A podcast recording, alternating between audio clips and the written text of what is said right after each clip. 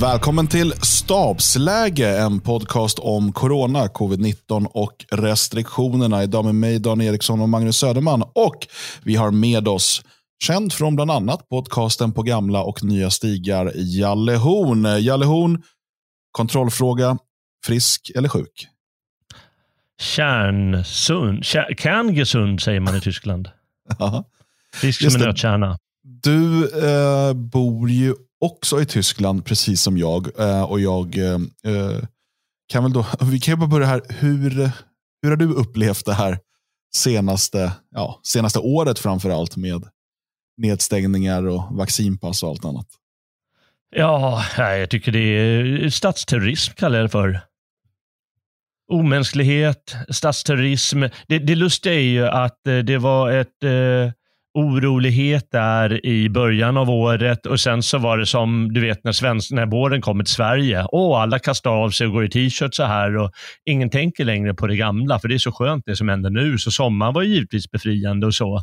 Och så kommer det tillbaka ännu värre. Mm. Och hur blir det då nästa år? Ja, det är lite det man börjar inse som, som boende här. Ehm, för att förra vintern kunde man ändå på något sätt hålla ut. Man tänkte att liksom, det, här, det är den här vintern och sen, sen är det liksom över. Men med tanke på hur man reagerar nu när liksom två tredjedelar har tagit sprutan, eller ja, det är väl 80 procent av de vuxna nästan.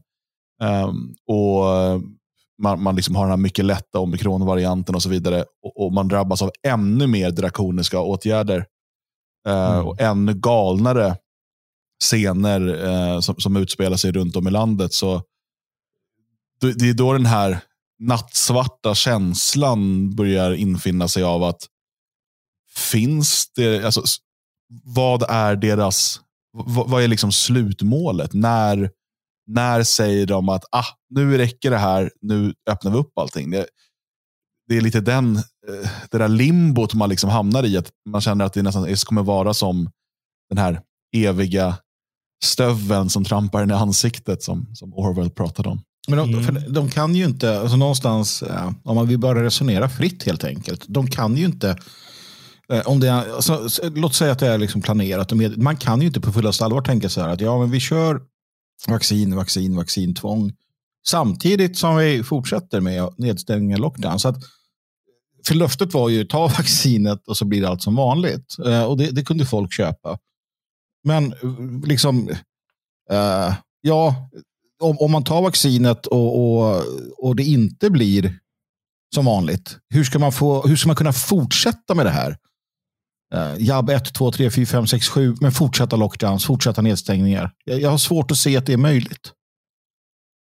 Mm. Man Ja, jag vet ju- inte heller. Det är väl ny, nya varianter. Eh, alltså, folk sätts ju i en ständig skräck. Eh, det, det, det är ju liksom det som har varit ja, strategin här, får man ju nästan säga. då. Att liksom dagliga uppdateringar av dödssiffror, ehm, liksom bilder på, eh, från liksom intensivvårdsavdelningar. Och Mm. Folk är väldigt, väldigt rädda.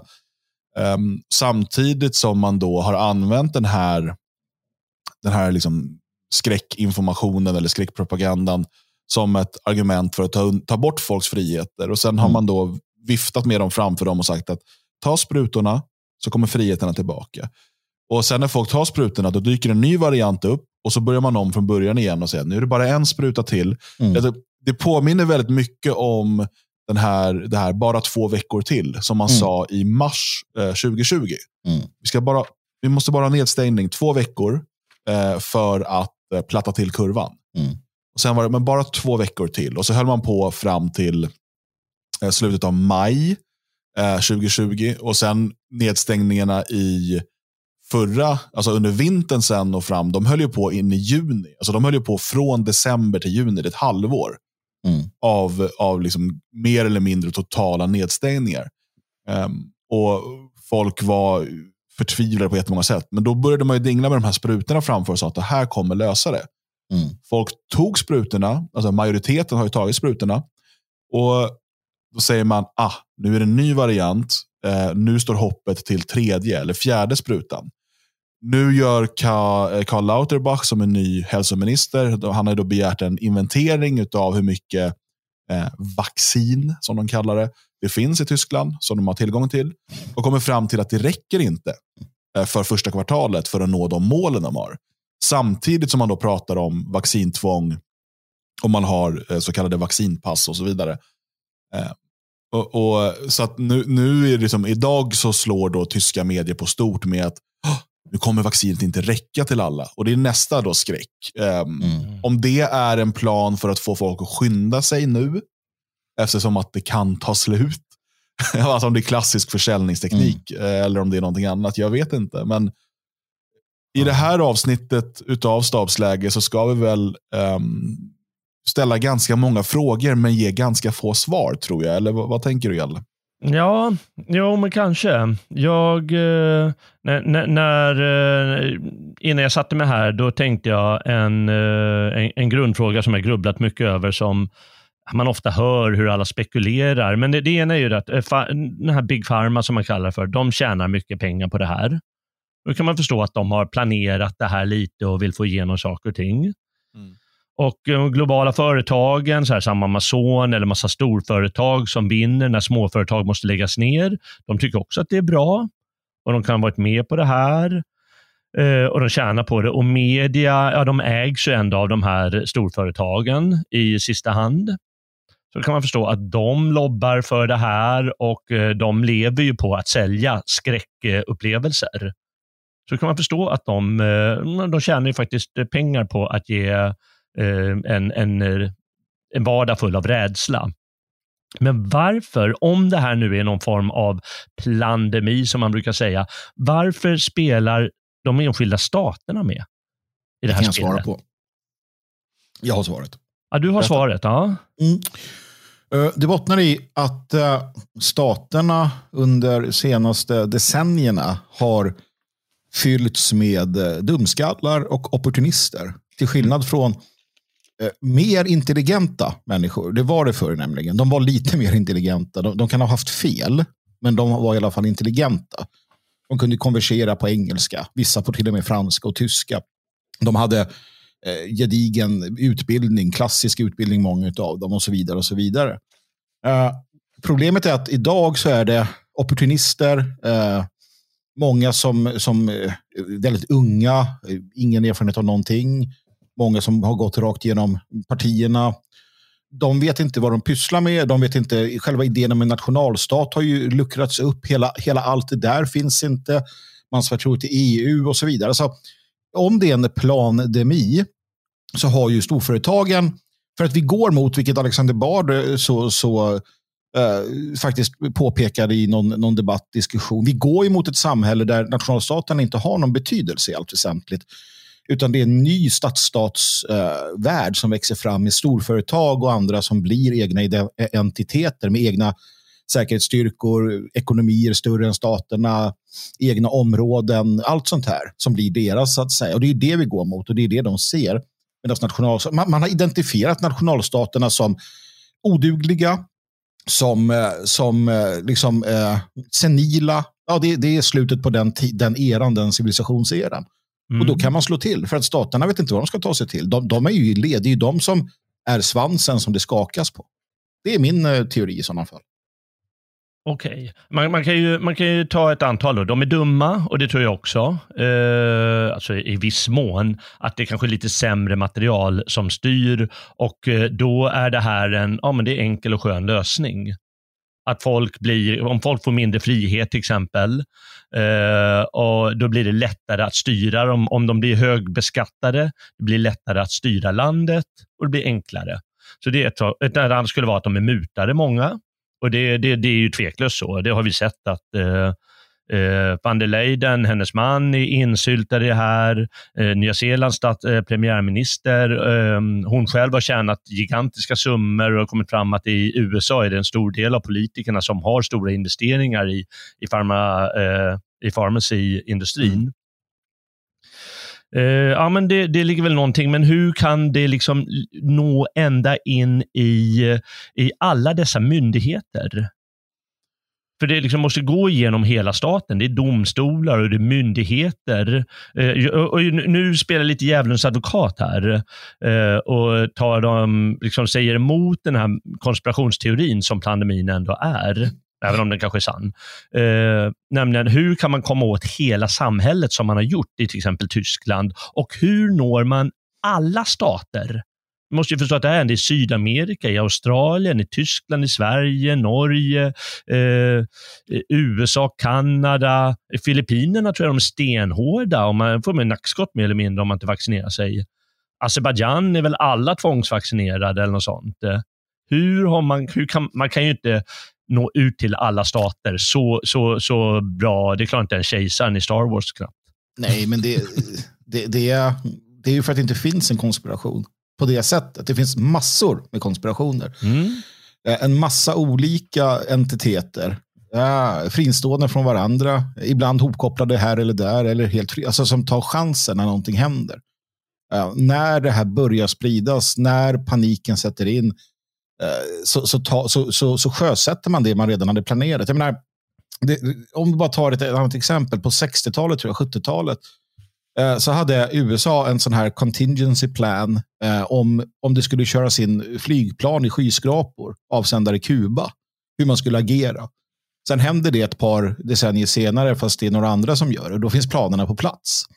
Man, man, man, man behöver inte, man, man planerar för alla möjliga saker. Sovjet hade invasionsplaner över Sverige som aldrig användes och så vidare. Alltså stater, företag, eh, World Economic Forum och så liknande. Jag menar, vi såg hur snabba de var, World Economic Forum, när de satte igång. Att, att, att eh, koppla in sina hjärtefrågor. Och de har mycket pengar. Eh, gav ut böcker, fixar donar och så vidare. Så att, jag tror att det är det som händer. Att, att det sätter igång och då börjar, jag menar, vi agerar ju också i Fria Sverige-föreningen eller vi som har våra agendor. Jag är en del av en konspiration i sådana fall. En konspiration för att hur framhäver vi nationella intressen, svenska folks intressen i denna tid. Det är en del av det. Vi agerar, vi planerar. Vi har funderat i många år. Vad gör vi när krisen kommer? Eh, jag tror att problemet är när man säger konspirationsteori så är det ju det man ser framför sig är att det är något ett hemligt sällskap eh, utav kanske då, i det här fallet då alla statsöverhuvuden, åtminstone, som, som liksom träffas och bestämmer att nu ska vi göra så här. Um, och då, eh, då är det lätt att vifta bort det, för att det är bara logistiskt jättekrångligt att det skulle gå till på det sättet. och, och eh, liksom, det, håller inte. Ehm, men däremot eh, att det liksom finns starka intressen som har liksom direktkanaler till väldigt mäktiga personer. Det som har lyfts fram mest under den här tiden är ju Klaus Schwab och, World Economic Forum. Och Ehm, det, det, är rimligt att det lyfts fram med tanke på hans tal om, om the great reset, den fjärde industriella revolutionen och hur han menar att den här så kallade pandemin då är en nyckel till detta. Um, och, men jag tror också att det, det, är väldigt, väldigt farligt när folk fastnar i att bara fokusera på Klaus Schwab och World Economic Forum. Precis som när människor eh, som vill prata om problemen med liksom, folkutbyte och massinvandring bara talar George Soros och Open Society Foundation. För det är absolut att de här spelarna eh, har, liksom, spelar roller i, i det som sker, men de är långt ifrån ensamma. Ehm, mm. Och Det är svårt att få liksom en fullständig bild. Jag tror att det, det största eh, alltså den största boven i draman är eh, den mänskliga naturen och, och framförallt vilken typ av människor som eh, har ehm, lyfts fram i, den här, Eh, i det politiska system vi lever i.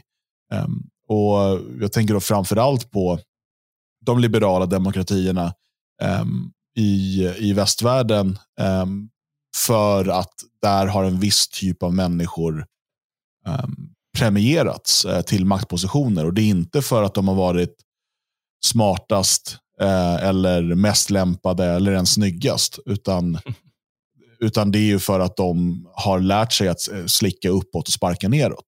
Okay. Och det är så man tar sig upp genom ungdomsförbund och, och, och liksom kommer till de här positionerna. Mm. Man lär sig ganska snart liksom, hur, hur piskan och moroten fungerar.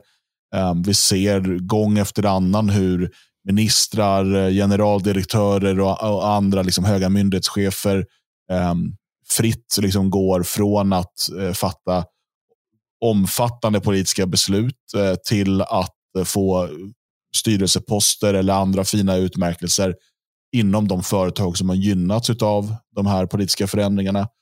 Ehm, det, är en, det är en eh, ganska, jämfört med det som man kanske är van vid från, från liksom historien, så är det en ganska raffinerad typ av korruption, men det är fortfarande en, en korruption. Och Jag tror att allt det här liksom spelar in. Sen, för Jag tror att, att de absolut flesta politiker um, har, alltså de, de har varit inom stora citationstecken ärliga i att de är rädda de tror, och de tror att eh, sprutorna är lösningen. De allra, allra flesta eh, som, som säger det. Um, men sen är frågan varför tror de det? Mm. Och där tror jag att det mänskliga psyket kommer in i att de genom att, alltså undermedvetet så vet de genom att tro detta och predika detta så kommer det gynna min karriär och min ställning. Mm. Jag tror, Ja, man ser ju då att den politiska kulturen har, den har ju ballat ur helt enkelt. alltså. Och det är, det är ganska bra, det är inte bra att det händer det här med, med coronan, men, men det, sätt, det visar ju faktiskt hur den kul, eh, politiska kulturen har blivit, eh, låt oss kalla det korrupt, som du sa där, på, på sitt eget sätt. Eh, och, och, och, Det är väl bra att det syns, men då måste, problemet är att det inte syns i media givetvis. Eh, att det verkligen kommer fram till det stora flertalet som fortsätter att vara rädda. Och innan du hoppar in Magnus, eh, eh, så tänkte jag att jag skulle bara dra ett par eh, bra skäl till varför politikerna eller stat, statsmakterna ändå vill ha det här. Och Det ena är ju då att man kan sätta stopp för nationalistpartier eller andra, låt oss kalla det opportunistpartier som det kallas för. För de buntas ihop med motståndarna till det här. Och det har ju visat sig i alla länder att det, det, det är mest de. Nu är Sverigedemokraterna, de har ju de har ju tappat det. Men, men de flesta andra nationalistpartier eh, de eh, motsätter sig de här drakoniska åtgärderna och säger att det kommer leda till ofrihet för medborgarna. Och då är det ett sätt för makten att, eh, att slippa den här utmaningen. Mm. För de kan ju köras åt sidan med eh, den här nya agendan som man sätter. Mm. Uh, och uh, Det andra är då att uh, man kan med den här vaccinationshysterin och hela coronahysterin och de nya, när ofrihet kommer tas ifrån medborgarna mer och mer, kan man trumfa igenom det här med invandring och klimat som man vill göra med de här, heter Agenda 2030 eller något sånt. Mm. Och dessutom kan man förstås mörka det man har schabblat med tidigare. Vi får tänka på att alla vet ju att eh, invandringen till exempel, den har de ju misslyckats med helt och hållet, politikerna. Och det är därför vi har den här kriminaliteten. Det kommer fram, till och med fram i media varje dag gjorde det länge, att jaha, det blir kriminalitet och det är sprängningar i Östermalmslägenheter och det är barn som rånas eh, och det är gruppvåldtäkter och det alltihop. Alltså det är inget, de har inte lyckats med det här med invandringen. Det var en dålig idé. Men nu kan man mörka det genom helt enkelt köra den här agendan. Så det finns alla anledning för staterna eller statsmakterna att spela med i det här spelet. Ja, de, de, ser ju, uh, natur, de är inte dummare än så att de ser ju chansen. The great reset, alltså en återställning, en kontroll alt delete. Fan vad skönt. Jag, menar, jag bara lägga till där Magnus, att det blir ju inte en återställning. Utan det blir ju en, de använder begreppet återställning. Men framförallt handlar det ju om ett införande av, alltså det är en global kommunism som man förespråkar. Ja, ja. Jo, jo, men det, det, handlar precis, precis. Men, men de använder ju de där, men det är ju samma den gröna återställningen och allt möjligt. De använder konstiga benämningar. Själva grunden är ju fortfarande det som, och återigen så tar jag upp William Pierce 1975 eller 80. När han, när han beskriver eh, nationalismen i USA, när han beskriver att målet för dem, det är inte så, problemet menar han att det är ju, alltså alla, alla pratar om världsregeringar och att de vill göra det, de vill döda, de vill liksom sådär. Eh, men han sa ju det att målet för dem är i princip eh, bara att eh, alla ska ha det ungefär lika jävligt. Ingen ska ha det tillräckligt jävligt för att det ska bli revolution. Och eliterna ska kunna roffa åt sig och ha makt. Det är inte sexigare än så. Alltså, och du som du var inne på, global kommunism, alltså den här gamla fienden som sticker fram sina, uh, sin, sin näsa igen. Jag, jag tänker ju bara det att problemet är ju att de gör bort sig. Um, och det är det jag ser hela tiden nu. för det blir mer och mer motstånd. Och det hade de nog inte, alltså det, det är verbalt motstånd på ett sätt som, som alltså både i parlamenten, eh, medicin, alltså medicinare som, som uttalar sig mot politiker eh, och så vidare. Så det där har vi varit inne på tidigare, hur länge kan de hålla ut? Det intressanta dock, eller inte intressanta, men det vi kan konstatera, förutom hur, varför politiker gör som de gör, så det är också en aspekt, det är att du blir jävligt älskad. Och det tror jag är rätt skönt också. Alltså, om, du, om du går ut hårt eh, och är hård och eh, börjar avhumanisera så kallade antivaxare. Eh, jag, jag, är ju i den gruppen trots att jag inte egentligen har det här att göra för att jag är inte antivax. Jag är inte antivaccinationer. Eh, men i alla fall, vi hamnar ju där och avhumaniserar dem och, och så. Och tar i med hårdhandskarna, visar handlingskraft. Då blir du älskad och dyrkad av massan. Det här är ju en klassisk masspsykologisk um, liksom, Eh, det som sker. Um, och, och det, det, det, det, tror jag också spelar in på att man, att man gärna fortsätter. Det gäller ju bara att du balanserar det där. Du får inte fortsätta för länge, för då får du massan emot dig helt plötsligt. Uh, och, och, folk är tyvärr inte, inte det. Jag vet inte om ni har sett den här bilden. Uh, det är från Tyskland tror jag, 30-talet säkert. Ett hav av människor som, som höjer högra armen mot eh, ledaren Hitler som åker förbi så står det en kille och håller armarna i kors. Uh, och, och, och, den bilden är skön på det sättet att han är så jävla motvalls den där killen. och så säger alla, ah, här var han, den här är jag. Och sen händer något sånt här. Och så visar det sig att nej, du är inte det. Du är inte han som står där med armarna i kors. Jag är det. Ni är det. Vi är många som är det. Men de flesta, framför allt de som ropade högst om att vara den där killen, de är ju, eh, de är ju tyranniets kreatur. Ehm, och, och, så kommer alla de här vanliga, jag såg nu hur den här eh, Perlenberg, en, en journalist som skriver att på Twitter, jag åkte tåg, ingen hade mask, fan, och så där. Det hetsas och, och, och så. Uh, för att de driver på själva. Och sen har du de som har, har insett nu att fan, det var ju dumt det här. Varför tog jag det här vaccinet och känner sig dum som fan? Uh, och då, istället för att säga det, så vill de att andra ska göra det så att de inte är de enda och känner sig dumma. Så det finns många, många mekanismer som slår in. Uh, och förstår man dem så förstår man också varför det händer som det gör. Framförallt mm. i länder som Tyskland. Nu börjar polariseringen drabba oss ordentligt i Sverige också, men fortfarande så har vi inte staten som ger oss rätten att skälla på folk som inte har munskydd och sådär. Så att de där tendenserna är fortfarande inte lika starka här som jag upplever. Nej, eh, det är också intressant. Jag tycker man kan dra många paralleller till eh, invandrings och, och integrationsdebatten och sådär.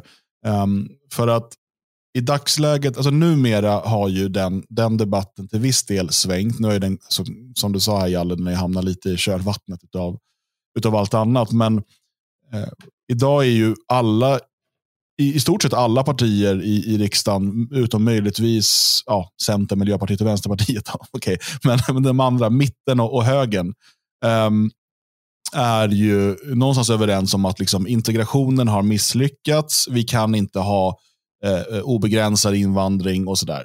Um, och, och, Det var ju något man inte ens kunde erkänna för 10-15 år sedan. Uh, och när um, svenska nationalister och invandringskritiker började på allvar lyfta frågorna om, om liksom massinvandringens eh, katastrofala konsekvenser eh, på 80 och 90-talet eh, så var taktiken att eh, bunta ihop alla som på något sätt kritiserar invandringen och kallar dem rasister. Alltså allt ifrån den person som, som ställde sig och skrek eh, att ehm, eh, alla icke-vita ska buntas ihop och slå ihjäl till den som sa, kommer det här verkligen bli en bra liksom, alla de eh, var rasister. Och Det är precis på samma sätt man nu använder det här antivaxare. Man till och med ändrar ju definitionen i, i diverse uppslagsverk och så vidare. Eh, från att ha varit eh, liksom ett begrepp för någon som menar att vacciner generellt sett är farligt eh, och, och, ska undvikas till varje pris, till att vara någon som är emot eh, tvångsinjicering av människor. Mm, till och med um, restriktioner. Till och med restriktioner, ja precis. Och, och, och vaccinpass och allt vad de kallar det. Och Då är man antivaxare. Um, eller ja, människan som säger att ah, men det här går att täcka för mun och näsa hela tiden. Uh, det kanske inte är en så bra idé för hälsan. Så här, antivaxare!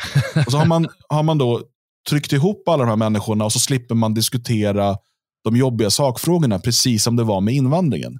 Utan då är det bara lätt att peka på alla som på något sätt kritiserar den för tillfället rådande officiella linjen. De är rasister eller de är antivaxare. Och så slipper man, um, slipper man diskutera det vidare. Och, och därför de här parallellerna är så oerhört intressanta. Det är också så att eh, när, eh, när, när invandringen då kritiseras på 80 och 90-talet och även senare så har man ju då, men experter säger att, kolla, mm. forskning visar att.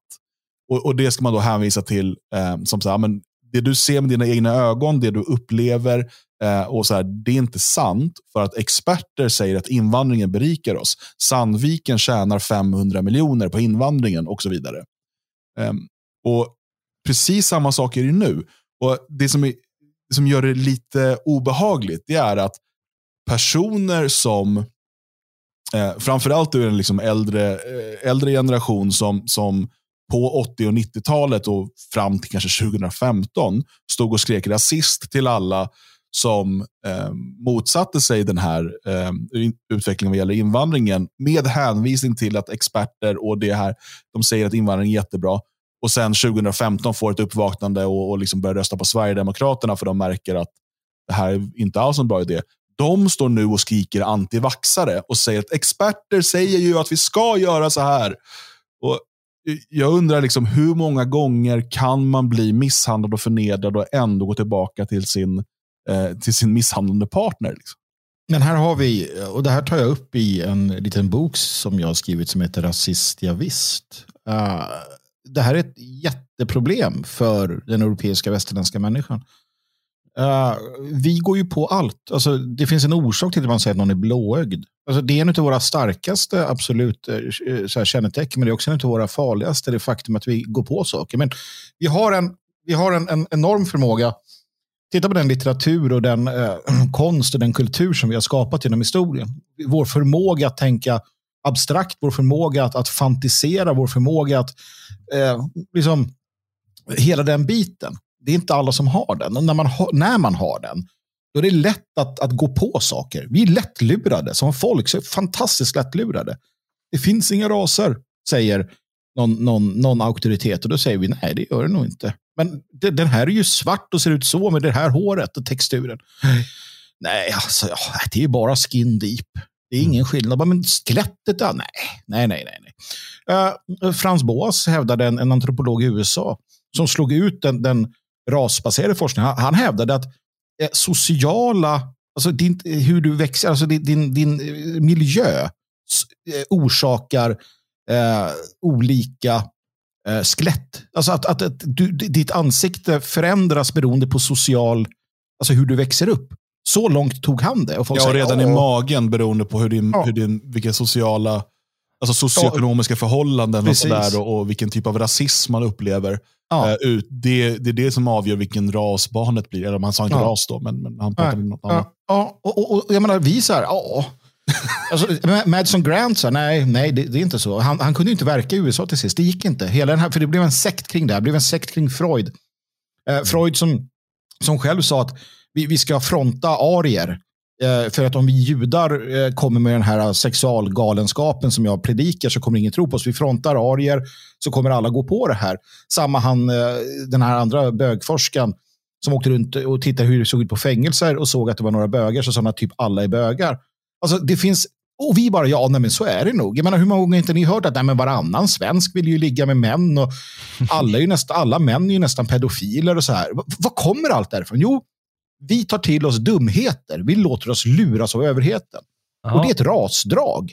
Eh, helt enkelt. Ja, men, eh, eh jag förstår den här eh, massans eh, psykologi och ja, hur, hur folk låter sig luras och blir delaktiga i en en konstig offentlig kultur. Men, men jag måste bara fortsätta bara fråga en sak som ändå intresserar mig. Och det är någonting, måste visa att staten har gått sönder på något sätt.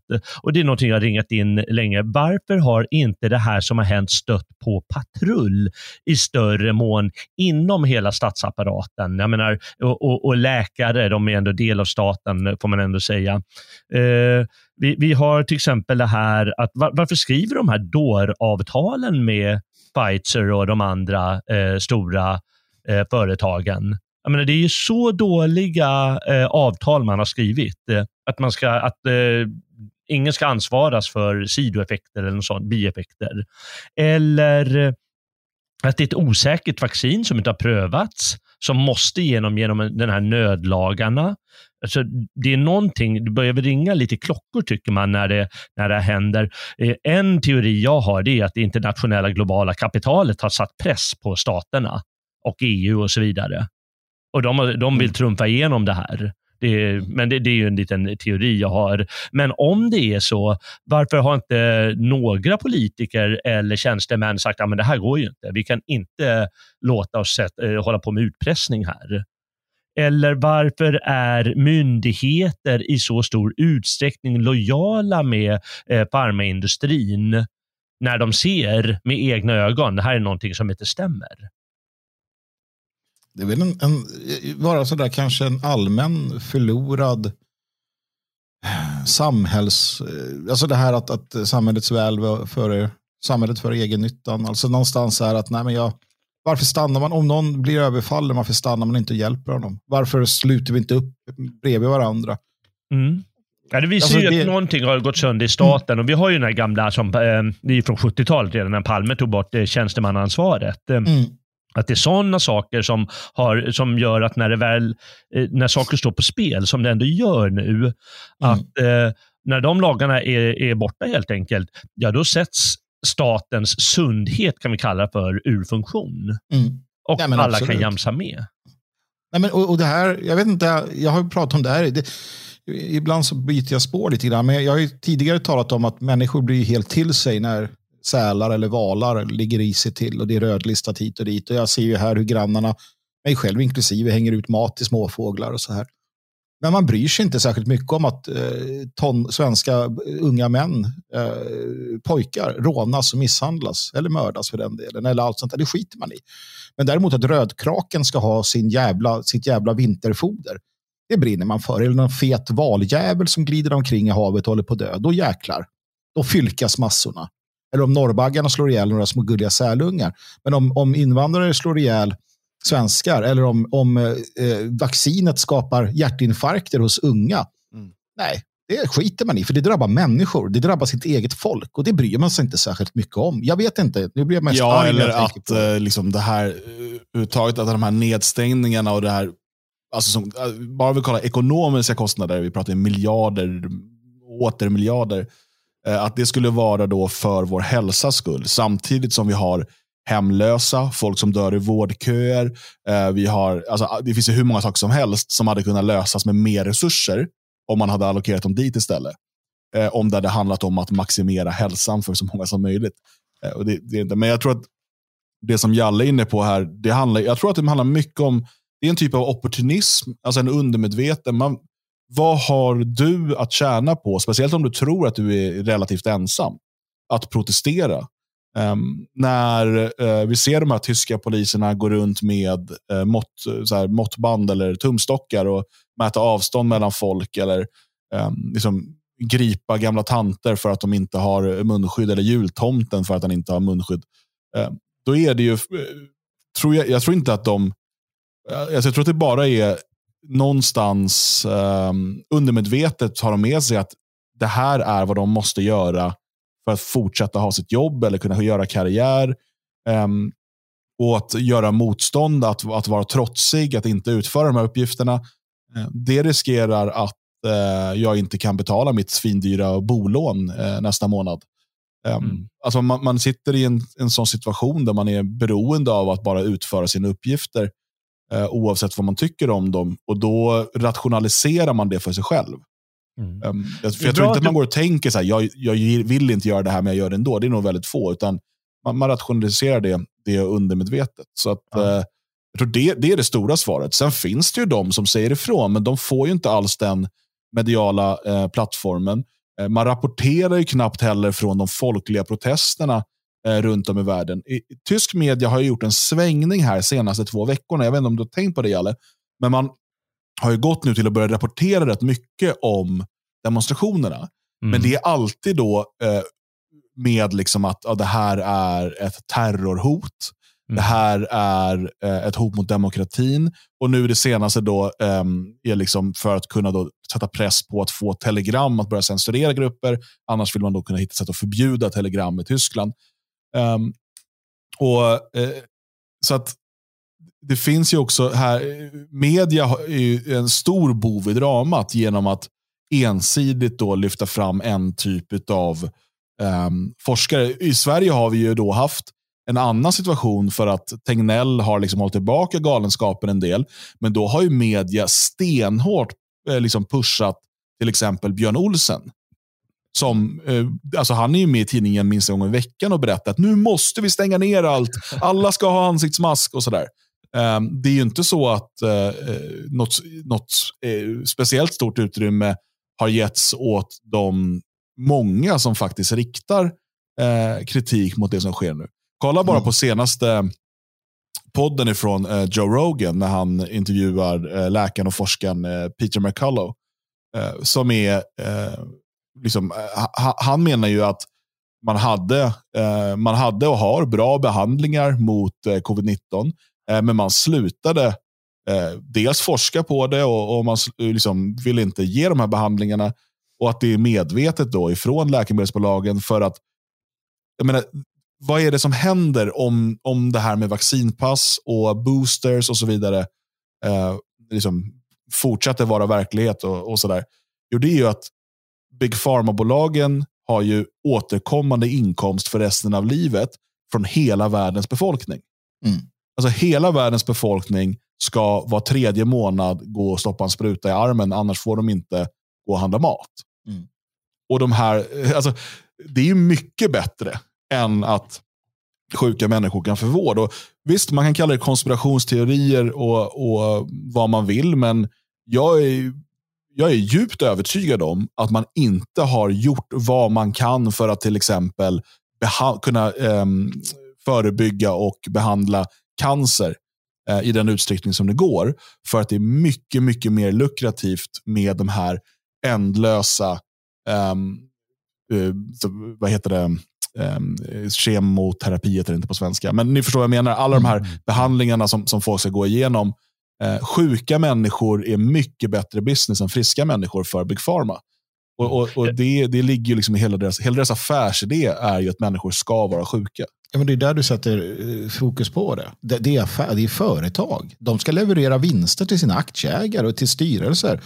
Det är ju det i första hand. I andra hand så, så äh, säljer de äh, läkemedel. Men inte, som du säger, det finns ju inget som säger att de, alltså, att bli frisk, då får du ju gå till någon som tar ett helhetsperspektiv, en personlig tränare eller någon som vill att du ska vara frisk och fortsätta träna och må bra. Eller i, i, alltså holistiska människor som tänker på helheten. Läkemedelsbolagen har aldrig velat få någon frisk. De botar en huvudvärk, sen botar de nästa och så vidare. Så att, nej, du, där har du helt rätt. Ja, det är det. Och, men jag tror, jag tror ju faktiskt att staterna också tycker att de tjänar på det. För om folk är sjuka och staterna säger att vi ordnar mediciner och, sjuk, eh, och sjukhem, då känner de att de är nyttiga. Då känner statsmakten att den är nyttig Mm. och eh, undersåtarna känner att oj, det är någon som hjälper mig. Mm. Och jag tror att det är det som är eh, den stora faran, det, som- det som har gått sönder i den här staten, som jag då kallar den stora staten, som vill bli ännu större. Och alla blir beroende givetvis. Tänk om folk blir beroende av de här jäkla sprutorna. Ja, eh, det är ju perfekt för statsmakten och eh, undersåtarna som lever i en sån bisarr symbios där allting egentligen är sönder. Men det är därför det var bra Dan att du tog upp det här med demonstrationerna. Nu vinklas de snett givetvis, men det är, det är ju fantastiskt. Det är ju hundratusentals människor runt om Bara i Tyskland. I, i, hela världen. är det ju ännu fler. Alltså, du, Ja. du pratar ju miljoner. Om Vi pratar miljoner människor. För det är ju den naturliga reaktionen på någonting som har gått sönder. Mm. Och det är faktiskt det som, det är inte eh, det de kallar extremister och, och terrorister och så vidare. Ja, man kan kalla det givetvis för de inser att det är någonting i staten som är sönder och det måste vi åtgärda. Och staten ser dem givetvis som fiender, men det är en sund, naturlig reaktion. Och jag hoppas att det här bara blir än mer offensivt. Man kan inte vara nöjd nu, utan man måste gå ännu längre. Jag pratar inte om revolutionära rörelser, utan bara visa var skåpet ska stå än mer. Men det, ja, för nu, nu vill jag gärna hoppa fram ett hack här. För att jag ser också här, alltså, demonstrationerna växer i styrka. Så är det.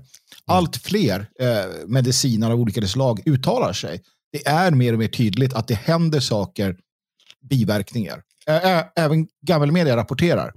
Även kanske inte i Sverige så mycket, men du kan läsa i, i annan media om, om eh, hjärtmuskelinflammationer och så vidare och så vidare och så vidare, hjärtinfarkter och så. Det händer saker och det blir mer. Och, och demonstrationerna blir fler och, och, växer i styrka. Min, min tanke, min fråga som jag slänger ur mig lite hastigt. Eh, om de har tänkt fortsätta. För att eh, kom ihåg, det som pågår samtidigt är ju då massinvandringen pågår. Eh, omställningen till el eh, pågår. Eh, vi, vi, pumpar in pengar i gud vet vad. Hur ska man då köra en tredje, fjärde, femte lockdown, fortsätta med det här, skapa polarisering som gör att vi börjar slå varandra på käften. Vi kommer få se.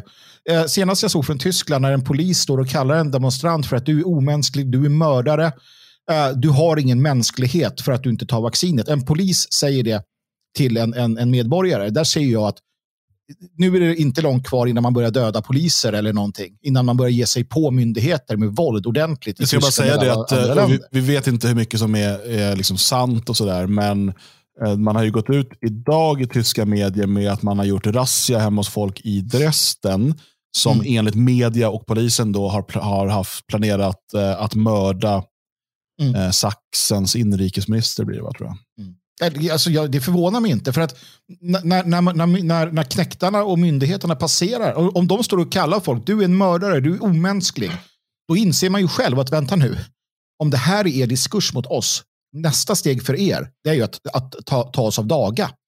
Det, det, finns ju ingen annan utväg. Det är ju det sista steget.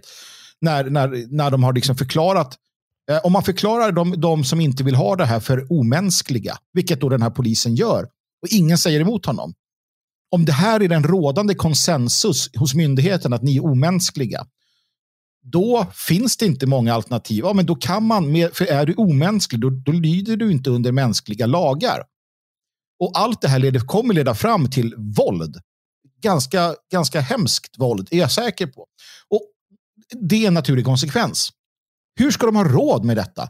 Alltså, för nu pratar vi inte bara några, några tusen nationalister. Nu pratar vi miljoner utav människor som är rädda, livrädda för, för det som händer. De är arga, man har resurser och så vidare. Hur, hur ska systemet kunna upprätthålla ännu mer lockdowns i, i skenet av detta. Jag menar, Ceausescu klarade det inte. Eh, Sovjet klarade det inte. DDR klarade det inte. Till sist så sprang man mot den där jävla muren och blev skjuten och sket i vilket. Tror de att de ska klara det den här gången? Nej, det tror de nog inte. Eller alltså, jo, det tror de nog, men det är klart att de inte kommer kunna göra det. Eh, Nej, jag tror också att de... Eh, det är ju många som tror att ja, men plötsligt släpper de det och säger ja, men nu kommer en sån super-omikron. Den var helt mild. Nu kan vi lugna ner oss alla och lägger, på, lägger bara locket på. Nu lägger vi ner det här med, med lockdowns och corona och hela grejen. Om, det liksom, om de inser att det här kommer vi inte kunna slå ner. Mm. Jag tillhör den skolan. Jag tror att det är dit man kommer. Alltså, de har ett fönster nu eh, på något halvår eller något att göra det. Mm. Men går de in alltså nästa höst, om de kör på igen, men, men, men, och det är här um, den, den, här fienden, och den här osynliga fienden, viruset, är det perfekta. För då har man alltid den utvägen. Du kan ju inte, eh, om du säger att, att liksom, ja, men ryssen har invaderat oss, därför behöver vi de här eh, restriktionerna så att ryssen inte kan döda er. Eh, och sen mm. säger de så här, då kan de inte bara säga plötsligt så här att nu är ryssen inte här längre. Folk tittar ut och bara, jo då, de är ju här på gatan. Jag ser ju. Det blir ju Bagdad-Bob. Liksom. Han sa, nej, amerikanerna inte, de har inte kommit in i Bagdad. um, men med ett osynligt virus som dessutom, jag menar, vi är inte virologer. De flesta av oss förstår inte så mycket av det här. Uh, och det, det, måste man ju vara ärlig med. Liksom. Jag tror att idag förstår vi ju mer än vad vi gjorde för två år sedan, vi som är intresserade av det här. Men jag menar, de allra flesta av naturliga skäl är ju inga experter. Alla kan ju se att det är en ryss. Liksom. Du ser, ja, det är det höga hårfästet och bred panna och sådär. Men, Vodkaflaskan. Eh, och, Ja, nej, men, och, och, och björn brukar de ha också. Gå, gå med björn i. Precis. Ja. Och dem. Men däremot, det, vi, det här, de kan ju bara säga så här, ja, men nu över några månader, man, man börjar den här nya varianten är mycket, mycket mild. Och sen så, ja men nu är det ingen fara längre. Och vem ska ifrågasätta det då? Alltså utav de som också liksom tänkte att det var livsfara innan. Mm. Då bara, oj, där hade vi tur. Den, den, den utvecklades till en ofarlig variant. Ja, nu går vi vidare och glömmer bort att de bestal, ett- två, bestal oss på två, tre år av vårt liv. Ja, och Ja, det kommer man glömma. Det Ja, glömmer man ja, direkt. ja. Det är inga problem. Ja. Ja. men för jag tänker, jag ser ändå sånt här. Omicron är ju intressant. Eh, inte bara att det är moronic om man ändrar på bokstäverna. Men jag läser ju nu i Expressen hur den eh, sydafrikanska, då, som de kallar det, omikronläkaren Angelique Coetzee Mm. eh, skriver då i Daily Mail där hon då eh, alltså slår ner stenhårt på Boris Johnson. Eh, och menar att så här, premiärministern kan ju inte säga sådana här saker. Det är hysteri eh, angående då att, att eh, det här med eh, omikron är så illa. Eh, hon skriver denna otroliga överreaktion gör människor rädda i onödan. Om regeringen bestämmer sig för att återigen ta landet i lockdown över nyår så kan det göra mer skada än nytta. Hon skriver också nästa variant som kommer kanske inte är lika smittsam men ger allvarligare sjukdom. Så vi behöver all hjälp vi kan få genom en naturlig immunitet. Alltså, här har vi då en som uppmanar och uppmuntrar en, en stat, i det här fallet då Storbritannien, att inte stänga ner utan låt omikron eh, flyda, flöta, flö, flyta fritt. För att det kan i sin tur då rädda oss i en i, i, om det här skulle mutera igen. Va? Mm. Eh, det är intressant att se att det, det, det, det finns ändå en, en, en glipa, en dörr som jag tycker öppnas mer och mer och mer.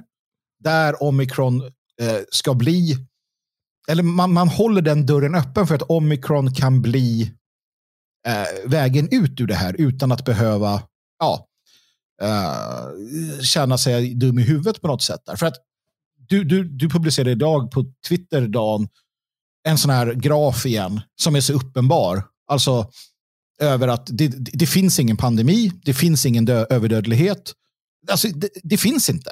Nej, och alltså de, som, eh, de som dör med covid-19 är, är ju, vi vet ju det här, det, det, det är gamla eh, multisjuka Ja. människor. Och när det gäller de som då, där det är låg vaccintäckning som man säger, alltså i, i yngre åldersgrupper, Mm. eh, så är det ju en icke-fråga. Det, det är officiell Precis. statistik. Liksom. Och om vi nu får omikron till att bli en, en liksom corona-icke-fråga för hela, i princip hela mänskligheten då, eh, oavsett hur gammal du är, då har de ju löst det. Då behöver de ju inte mer. Och då har de fått ändå 80-90 personer, eller 80-90 procent att vaccinera sig.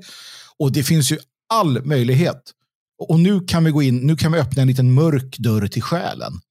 Det kan ju finnas all möjlighet för, för läkemedelsföretagen att de vet någonstans att okej, det här som, som människor får, det kommer ge dem problem framöver. Alltså hjärtmuskelinflammationer, problem med, med, med hjärta. Kan det finnas företag som har eh, eh, behandlingar för det? Det kan ju finnas mediciner som de här sitter på. Du behöver äta den här hjärtpiller-grejen. Eh, och, och då har man så här, ja, men vi, hade ett, vi hade ett bra race. Vi hade två år då vi fick liksom det här. Eh, sen blir det lite booster shots och sen så har vi en hel, liksom, ja, alla andra sjukdomar.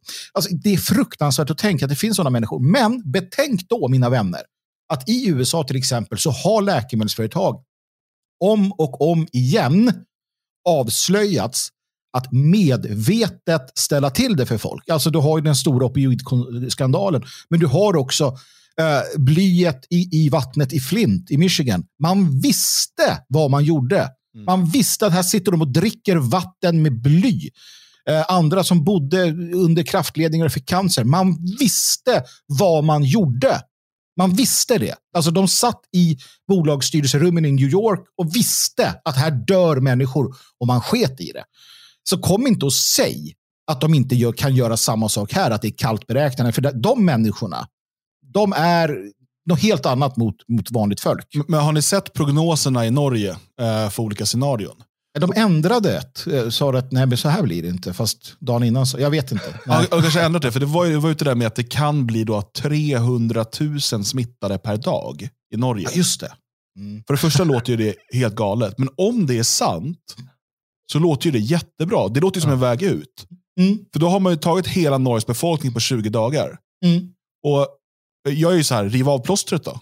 Om det Mm. ändå är en ganska mild variant. Men även om det liksom är eh, lite halvfarlig variant, alltså eh, sådär. ja, då, då är det slut sen ju.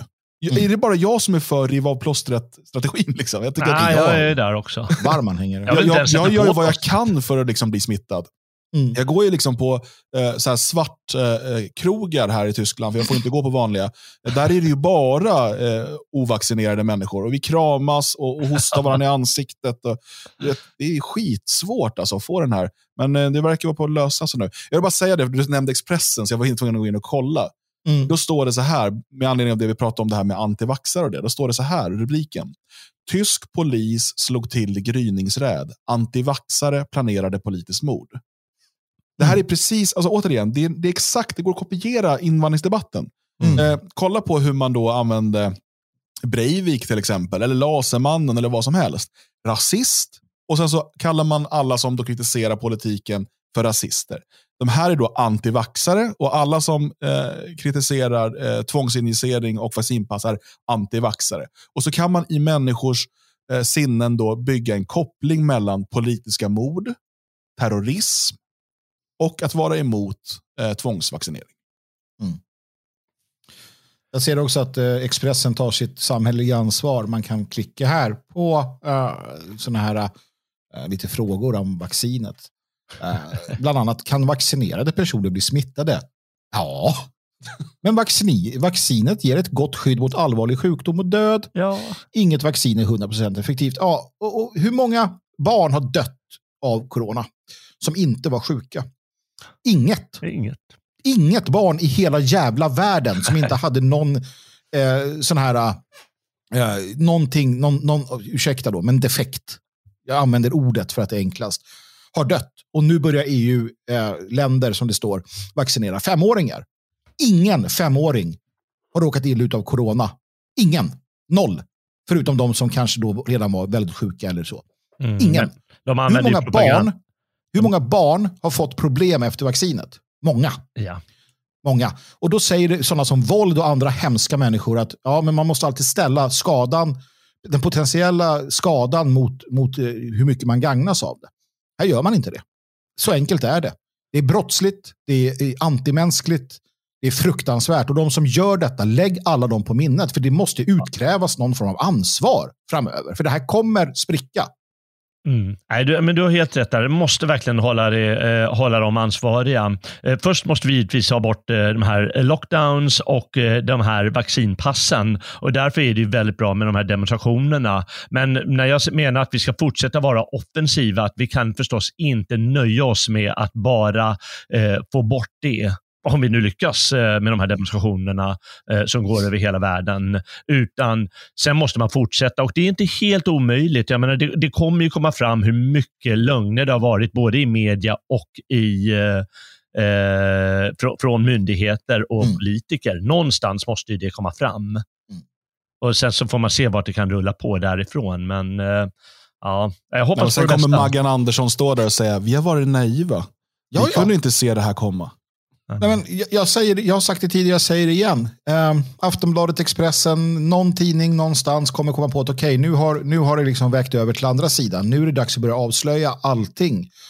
Eh, och, och Så fort det händer, då faller hela korthuset. Och då kommer de kommer stå där och göra det. För att gammelmedia är liksom ondskan på något sätt i, i sammanhanget. De har inga problem med det. Från att stå och pusha vacciner och sånt till att så här, ja, titta, Pfizer-chefen visste hela tiden att, eh, att det var ett helskotta.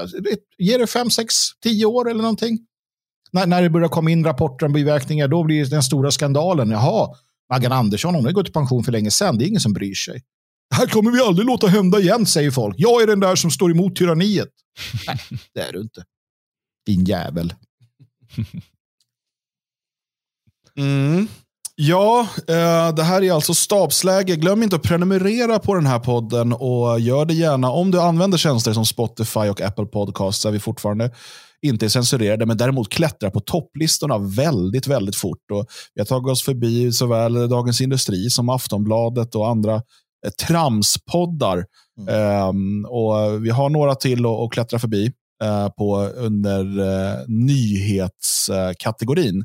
Eh, och Det gör vi genom att ni prenumererar, ni lyssnar, eh, ni berättar för era vänner om eh, stabsläge. Så stort tack till er som gör det och om du inte gör det redan, det är dags nu.